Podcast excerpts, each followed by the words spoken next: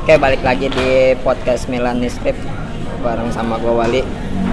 Uh, hari ini gue kedatangan seorang tamu sebenarnya udah lama kenal sih. Mungkin bisa diperkenalkan dulu namanya siapa? Uh, aku nama lengkapnya nih apa nama panggilannya doang? Nama panggilan boleh atau nama lengkap di KTP? Ya Allah lengkap banget tuh panggilan aja deh. Dipanggilnya Ocai biasanya. Ya, uh, gua dari kemarin sih sebenarnya udah apa sempat kontak-kontakan sama Ocai karena emang udah begitu lama gua kenal karena gua ngelihat um, apa ya dia juga pernah kuliah juga di salah satu kampus swasta di Jakarta itu ngambil psikologi. Jadi gue coba ngambil tema hari ini tentang body shaming sih sebenarnya. Karena ngelihat di semua sosmed juga kan ada banyak juga beberapa orang yang pernah jadi korban body shaming. Makanya gue coba sharing-sharing sama Ocai. Itu menurut pandangan dia body shaming itu kayak gimana sih sebenarnya Cai? Menurut yang nggak jauh-jauh sih sebenarnya jangankan sama teman-teman gue aja pacar hmm. sendiri juga digituin. Oh ternyata udah punya pacar coy dia jadi buat yang pengen tahu Ocai dia sudah ada pasangannya.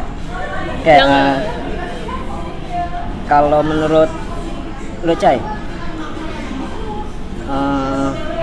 yang termasuk ke dalam body shaming itu seperti apa sih sebenarnya?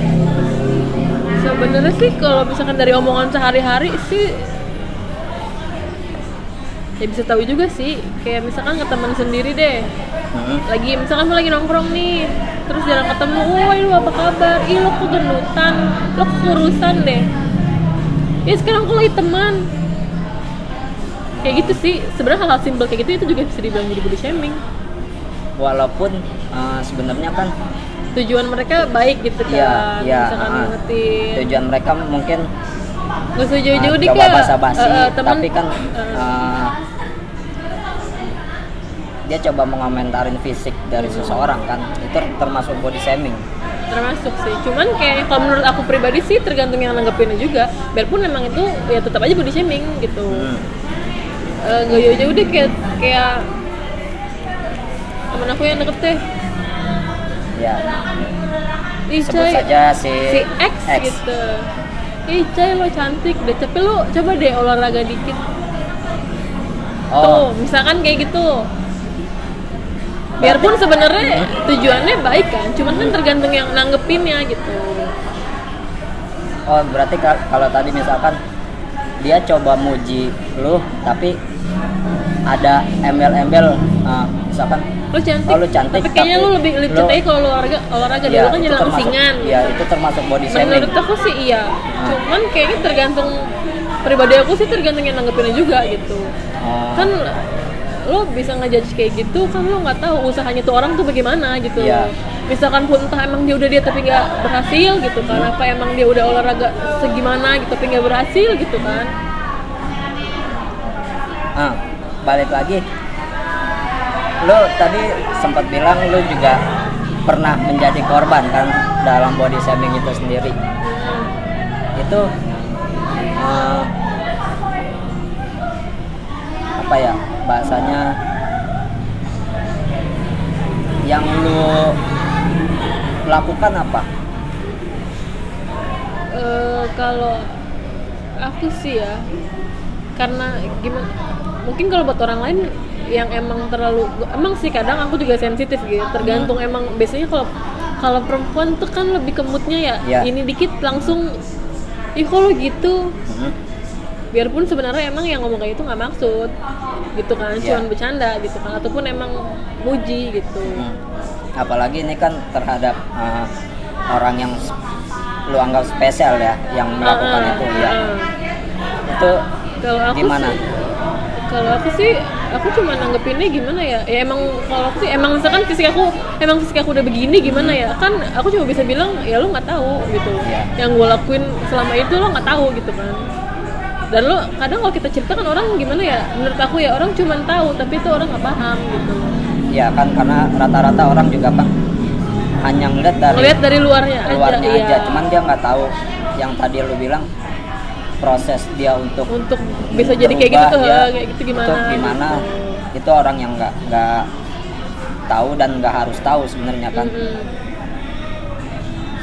kayak eh, karena kan gini ya mungkin semua orang atau ya hampir semua orang itu kan pasti pernah merasakan atau pernah melakukan untuk eh, fenomena body shaming.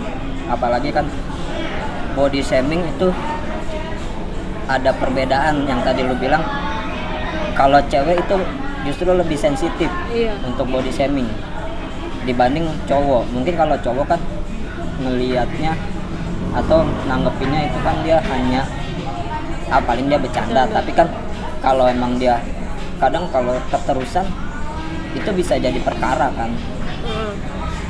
nah yang tadi lu bilang itu kan eh, perbedaan antara cowok dan cewek itu kan ya spesifik sih. Cewek lebih sensitif dan cowok mungkin lebih eh, ya namanya juga temen ya udah biasa lah gua. Berarti kan termasuknya ke dalam eh, bullying ya Iya. kalau itu kan. Heeh. Nah, kalau untuk masalah bullying itu ada faktor lain nggak selain eh, dia ngomentarin fisik? Yang termasuk ke dalam body shaming mi- eh, maksud gua gini. Nggak nggak hanya nggak hanya bentuk fisik tapi juga eh, secara psikologis. Yang ngaruh sih. Body shaming itu kan nggak cuma sebatas ih lo gendut dah. Ih lo kurus. Ih lo gendutan deh. Lo diet gi. Ih lo kurusan deh. Lo gemukin gi. Body shaming itu cuma nggak nggak sebatas menurut aku ya body shaming itu nggak sebatas cuman bentuk tubuh yang kurus gendut doang. Misalkan ih lo jerawatan sih. Hmm. misalkan. Atau ih rambut tuh kok keriting sih lo iteman sih. Oh berarti itu termasuk body Ya. shaming juga menurut aku sih kayak gitu. Ya karena kan eh, dalam beberapa waktu kemarin juga sempat ada viral juga tuh yang masalah rasis ya rasis di Amerika itu kan eh, masalah yang orang kulit hitam itu dibunuh sama salah satu aparat di sana lah. Itu berarti termasuk body shaming. Karena ngelihat lu lu orang hitam nggak nggak harusnya lu tinggal di sini. Iya. Ya kan? Kalau di sana sih emang ken- mungkin kalau di sana eh kentalnya begitu kali ya. Orang orang hitam tuh kayak gimana gitu sama orang Iya. putih sama aja kayak gini deh kayak di sini? Iya. Orang Papua gitu nggak? Gitu kan?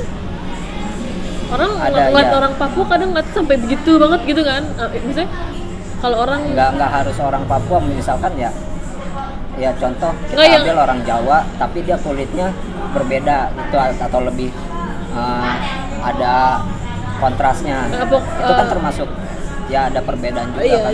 kalau di sini kan eh, orang kan yang misalnya yang yang yang umumnya gitu kan orang kan yang gak jauh-jauh deh yang aku bilang tadi kayak orang Papua kan emang kulitnya emang beda sendiri kan Iya. bilang eksotis gitu lah ya Iya. orang kalau yang misalnya emang kayak kita kan di Pulau Jawa gitu kan Hmm. kebanyakan kan yang warna kulitnya kan sawo mateng Iya. gitu kan yang putih makanya sekalinya kalau orang ngeliat kayak gitu tuh kayaknya ngeliatin sam- sampai begitu gitu loh kan Iya, dari atas dari atas kaki sampai Papua orang. misalkan. iya, Iya. pasti begitu Hmm.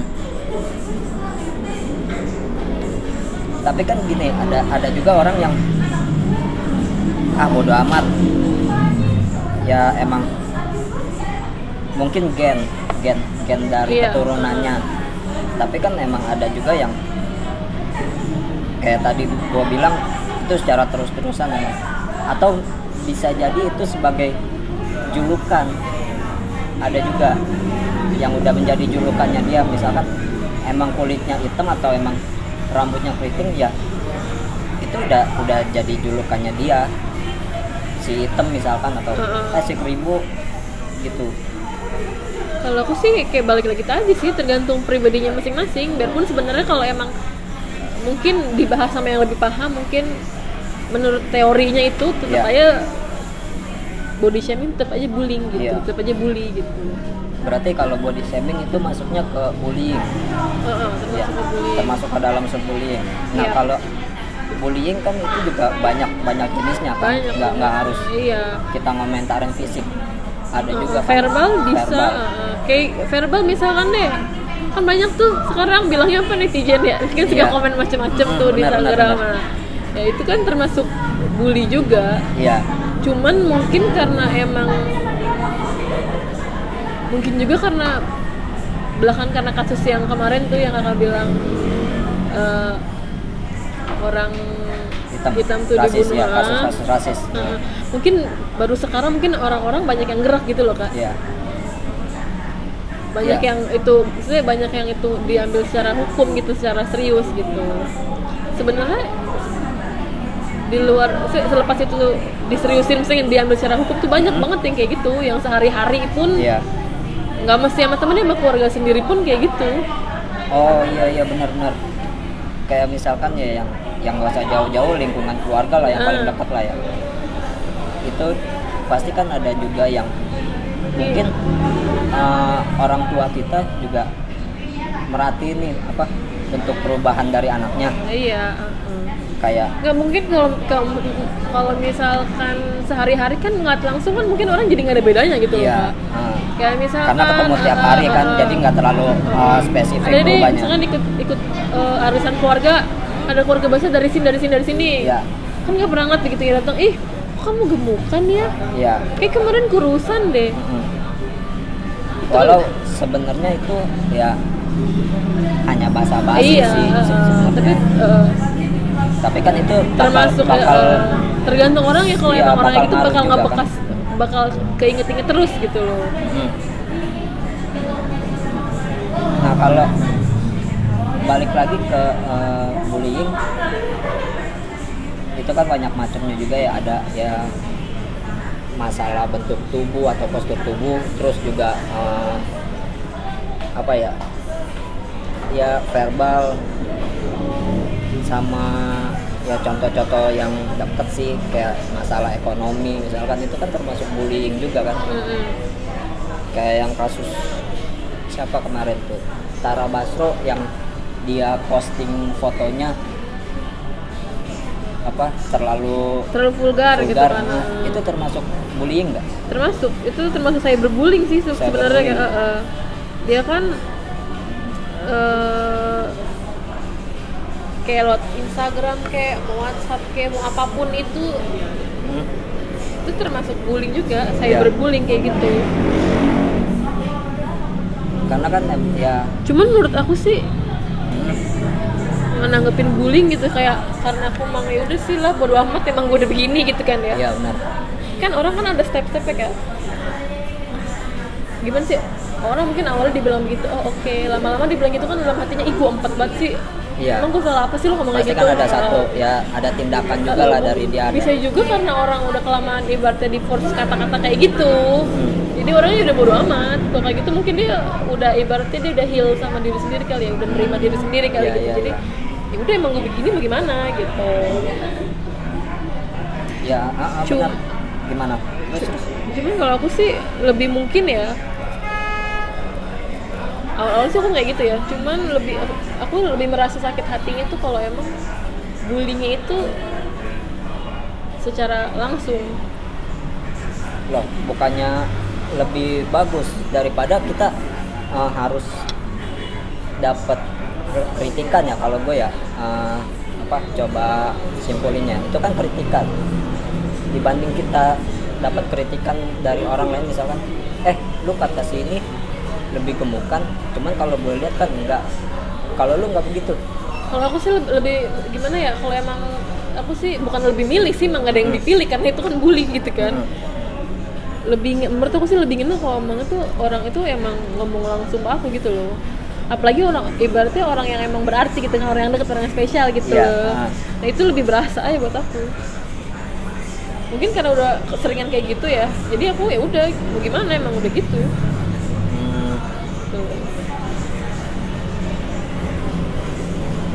ya kadang gimana sih ya kadang emang juga harus mesti bodo amat sih sama omongan orang gitu. nah itu kuncinya berarti kita harus bodo amat sebenarnya ya sama un- komentar-komentar eh, orang kan iya komentar negatif gitu ya Iya. walaupun sebenarnya sifatnya Sebenarnya iya. ya itu sebagai motivasi bisa juga kan Heeh. kayak eh, yang lebih apa ya kita coba ngomong yang lebih luas dulu deh. Untuk masalah bullying sama body shaming ini kan itu termasuk ke dalam turunan ya kalau body shaming ya. Balik lagi ke body shaming. Apalagi ngelihat undang-undang ITE itu kan bisa jadi salah satu bukti. Sebenarnya ada ada salah satu pasal itu jejak digital itu salah satu bukti. Nah kalau menurut lu yang pendengar gua harus lakukan itu sebenarnya harus gimana? Misalkan dia melihat postingan orang ya yang kayak kasus artis tadi ya itu kan termasuk korban bullying. Itu kan bisa juga, juga bisa jadi juga termasuk bentuk support gitu kan? Hmm, bentuk support. Cuman kan kadang orang Sebenarnya juga nggak ngerti. bukan nggak ngerti sih kadang orang tuh juga gimana sih bodoh amat gitu. Bukan urusan gue yang yang dibully kan lo bukan gue gitu kan. Kadang kalau orang yang nggak tahu kan kayak gitu. Tapi harusnya sih ya orang yang kalau emang jadi orang yang empati harusnya mungkin nggak usah jauh-jauh maksudnya nggak usah terlalu jauh deh sampai harus dilaporin gitu kan sekarang banyak tuh kan kasus bullying tuh harus Iya, benar, dilaporin gitu benar. kan. Nggak usah lah sampai jauh-jauh kayak gitu. Lu seenggaknya berempati aja. Berempati eh, mengasih support aja gitu loh. Biarpun biarpun mungkin lo mungkin eh, anggapnya gini kak. Eh, gimana ya mungkin buat lo aduh gue takut salah ngomong begini-begini tapi kan bisa aja buat orang yang nerimanya itu kan ada artinya gitu loh. Biarpun itu cuman sedikit buat dia support itu. Nah berarti itu masuknya ke pujian dong harusnya kan? Bukan ke body shaming? Atau gimana? Oh ya ya kalau bentuk support kan ya kalau gua menurut gua kan itu termasuk ya satu bentuk eh, yang tadi gue bilang itu motivasi dia sebenarnya nggak harus dijadikan body shaming kan harusnya mungkin kan kalau tadi aku bilang tergantung yang nerimanya gimana Hmm. nah kalau lu yang em yang orang gitu loh orang berempati kan nggak harus ngebalikinnya dengan gue juga gendut kok Mm-mm. menurut aku ya nggak harus juga kayak gitu Mm-mm. Menurut aku ya gimana ya kita udah dikasih sama yang di atasnya begini ya ya udah ya gimana yang mau dijalanin gitu. Kadang kalau emang mau di- kadang kalau emang mau dimasukin hati gitu ya diomongin gitu gimana sih yang nggak sakit dengerinnya? Mm-mm. Iya berarti apalagi sama keluarga sendiri gitu. Ya kalau kalau misalkan itu jadi motivasi kan sebenarnya lebih bagus ya. Iya. jadi kita Cuman- uh, bisa oh ya udah mungkin emang gua harus berubah tapi kan nggak semua orang itu bisa instan Iya. perubahannya ada proses-prosesnya ada tahapan-tahapannya Iya kan tadi kan aku bilang lu kan nggak tahu, lu belum bilang kayak gitu kan lu nggak tahu gimana gua ngelaluin kayak gitu gitu. Mm-mm. Ya berarti eh, gimana gua mau kurusnya emang lu bilang kayak gitu gua juga nggak mau. Iya, lu bilang kurus emang gua juga nggak mau. ya benar Gue misalkan eh gue kurus emang gua nggak mau kurus, gue kurus emang gua juga nggak mau gendut. iya. Emang gua juga mau nih rambut gua keriting begini gitu kan. Emang gimana sih kadang gimana ya? Kadang orang tuh ngeliat standar cantik tuh ya begitu harus langsing harus kurus. Iya karena nggak nggak harus iya harus berisi gitu kan. Iya, karena kan untuk ya coba lebih spesifik untuk cantik. Ya kita contohnya kayak eh, kontes-kontes kecantikan lah ya di dunia itu kan ya sorry to say kita ngambil contoh itu untuk peserta-peserta yang uh, di non Eropa atau Amerika. Itu kan yang cenderung kulitnya lebih putih ya balik lagi ke masalah uh, warna kulit. Ada juga peserta yang dari Afrika itu kan cenderung lebih ya beda dari kulturnya Eropa. Jadi kan kalau ngelihat uh, standar kecantikan nggak harus putih nggak harus Iya. langsing kan? Nggak harus gitu sih. Sekarang juga banyak kok. Maksudnya kontes kecantikan tuh nggak cuma dilihat dari kayak contohnya Miss Indonesia lah Putri Indonesia nggak harus dilihat dari eh, standar yang begitu. Ya, yang nggak harus cantik. Iya banyak kok standar, kayak misalkan eh, ini dia sekarang kan udah mulai banyak nih Miss Miss Waria. Oh iya nah kayak gimana gitu. Nah itu itu juga menurut kalau dilihat orang kan nih Waria pasti bencong gitu kan. Iya, ya yang nggak nggak sepaham sih, Hmm. apalagi kan lagi ngetren juga nih apa untuk penolakan LGBT iya di, Indonesia khususnya ya. Di Indonesia khususnya kan lagi gencar banget nih untuk penolakan LGBT. Tapi kan kalau ngelihat di luar contoh-contoh negara lain itu sudah ada yang melegalkan kan, kayak di Belanda terus di Jerman kan udah melegalkan untuk uh, melakukan hubungan sesa- se- sesama jenis. Berarti kalau apa ya untuk LGBT sendiri itu termasuk body shaming atau hanya sekedar bullying aja? Aku bilang kalau LGBT bully sih, bisa juga sih ke situ. Tapi kan dia eh, kalau secara psikologis juga ada yang berubah kan? Iya, ada yang dirubah sih. Iya. Kayak misalkan yang nggak usah jauh-jauh banyak lah kasusnya untuk masalah LGBT kan secara kepribadian juga dia berubah gimana? Sekarang lagi banyak nih kasus-kasus kayak gitu kan ya. Iya. Dibilang bully sih mungkin bisa juga bully karena gini Indonesia kan mayoritasnya tuh Islam kan. Karena mungkin mayoritasnya Islam kan maksudnya kental ajaran-ajaran yang gitu gitu loh kan. Yang mulai pasti yang melenceng dikit tuh pasti akan digembur-gemburin gitu loh. Ya, padahal kan ya balik lagi kalau kita coba ngambil secara eh, agama ya, itu juga ada yang namanya kan toleransi ya. Hmm. cuman kayaknya buat Indonesia gitu toleransinya masih aku bilang kalau toleransi untuk hal ke situ kayaknya masih kurang aku bilang sih. Karena gimana ya Eh, sama aja. Orang gimana sih itu kan diri mereka gitu ya. Iya, iya. Cuman sih su- eh, yang tersiksanya mereka kan mereka orang lain kan nggak tahu. Iya.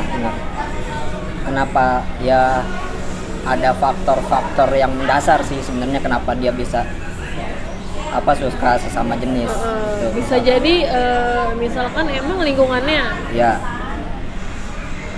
lingkungannya atau mungkin teman-temannya apa pokoknya dari lingkungannya bisa atau bisa juga mungkin ada juga teorinya. Kalau emang dari kromosomnya itu nggak seimbang XY-nya nggak seimbang gitu. Atau dari keluarganya juga. Nah, emang atau bisa aja jadi dari keluarganya dulu misalkan ibunya pengennya anaknya Cewek, cewek ah. pokoknya dapetnya laki Iya. gitu berarti bisa kalau ngelihat dari begitu kan berarti ada faktor ya benar ada faktor dari luar dari diri luarnya diri dia kan yang In, merubah eh, internal eksternal faktor internal sama faktor eksternal sih pasti ada mungkin faktor eksternal kan dari treat, treatment dari keluarganya kan.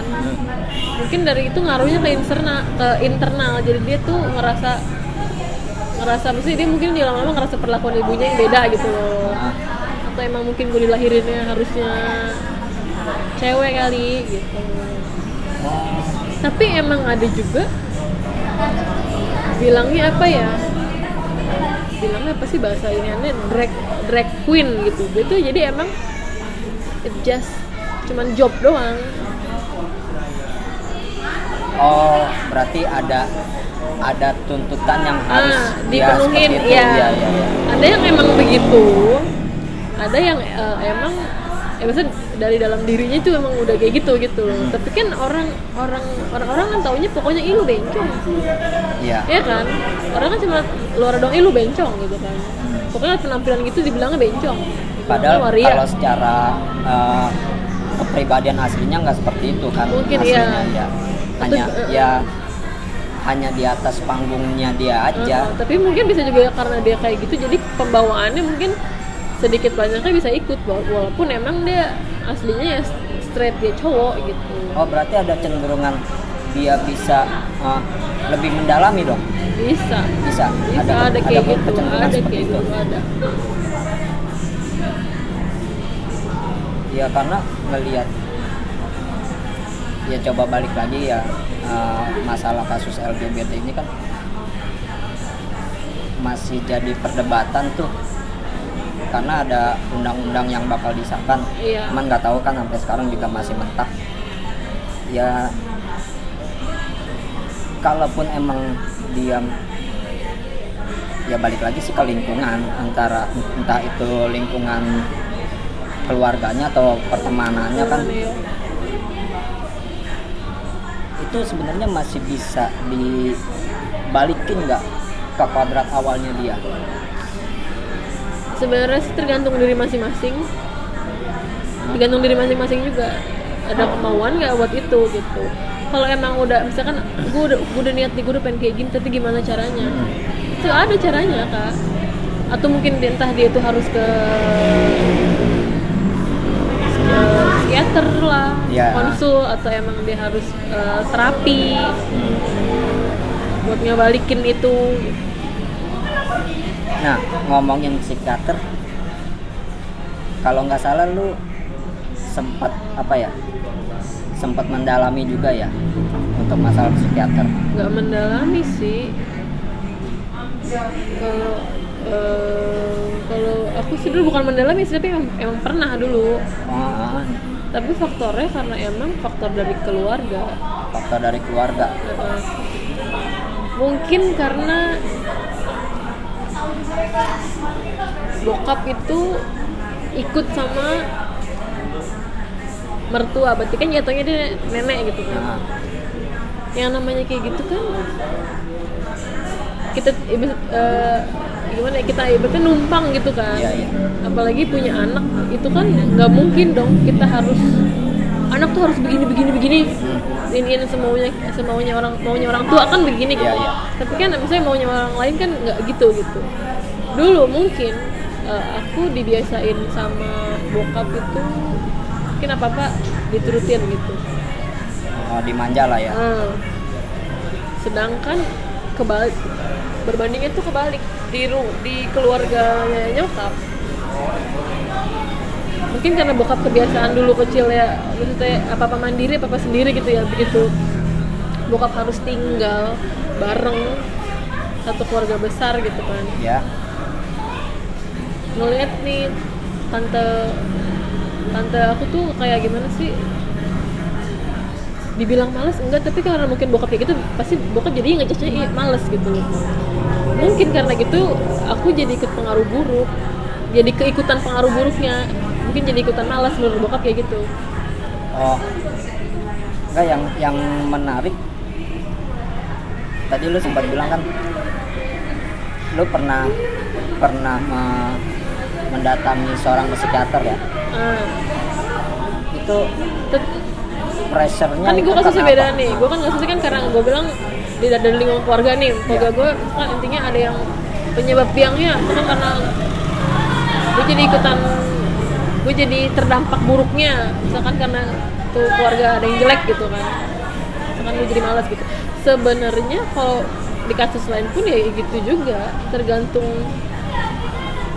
tergantung dari keluarganya sih. Maksudnya bok orang tuanya aware nggak gitu loh. Untuk hal itu mau apa pun masalahnya gitu loh. Iya. Apalagi lu juga kalau nggak salah saudara lu juga rata-rata perempuan semua kan? Iya. Mm. Itu termasuk ke dalam pressure itu nggak? iya sih Iya. bisa dibilang gitu mungkin karena Berarti lu ada kecemburuan sosial dong dengan saudara-saudara lu atau gimana? kadang Iya. karena gini dulu gue mikirnya gitu karena gini kan gue ada gue cewek semua Hmm. kan ekspektasi orang tua ke anaknya kan pasti beda dong anak cowok sama anak cewek Iya. gitu kan Yang harusnya lu sebagai pelindung adik-adik lu nih harusnya kan secara ininya Hmm. karena lu kan uh, anak paling pertama nih Mm-mm. terlepas dari itu sih eh, terlepas dari itu gini ekspektasi bokap ke anak cowok sama anak cewek beda kan Hmm. anak cewek tuh anak cowok kan harusnya harus begini begini begini gitu Iya. Anak cewek kan kewajibannya apa sih ya paling ya selepas berhubungan dengan dapur-dapur sama anak cewek gitu kan Iya. jadi bokap gue tuh kadang apa sih standar bokap gue tuh lu cewek tapi harus lu lu bisa harus begini begini begini begini Hmm. Jadi lu dituntut untuk eh, uh, jadi begitu jadi eh, mandiri lah ya. Nah, jadi begitu dulu gue sih dulu merasanya karena gue harus kayak gitu jadi begitu bokap gue tuh nge-force nya tuh gue Hmm. dulu dulu tuh gue berpikirnya kok ke gue mulu sih terus apa bedanya gue sama adik gue gue cewek ada gue cewek gitu kan Iya. Yang emang kadang e- even sih kadang-kadang Iya kadang-kadang sampai sekarang sih ya gue masih ada pikiran kayak gitu gitu Hmm. Ya berarti kan emang makanya itu kan tergantung sih tergantung dari keluarganya juga sih iya dia uh, support, support terhadap anak-anaknya iya dia. Karena kan yang gue lihat biasanya ya antara ya saudara kalau sama-sama cewek biasanya kan lebih nyambung. Mm-mm. Kalau masalah curhat atau ya masalah yang hal-hal lain itu kan biasanya kan gitu cenderung lebih kompak. Eh, biasanya gitu tapi Iya. jujur aja ya di keluarga aku mah antara aku sama dede aku enggak karena gimana ya karakter anak kan beda-beda ya Iya. berarti beda-beda kata satu emaknya kayak tetap aja karakter anak beda-beda gitu Berarti kayak ada ada semacam uh, Nah, kalau kalau gini kalau masih kecil kan karakter anak kan bisa dibentuk sama orang tua kan. iya. Anak begini begini tapi begitu anak gede, berarti begitu anak sekolah ketemu lingkungan kayak gitu, ketemu teman kayak gitu, kan pola pikir mereka jadi berubah kan. Kak? Iya, benar. banyak yang masuk gitu loh, Benar, banyak benar. ini banyak yang karena banyak uh, pengalaman, yang Pengalaman bisa dia iya, serap kan heeh. pada saat di lingkungan luar justru kan lebih kalau gue ngeliatnya lebih besar di lingkungan luar loh faktornya iya. ya dibandingkan di, di kalangan keluarganya sendiri gitu Makanya gue kadang masih suka ada beberapa hal yang gue masih bertentangan sama bokap gitu. ya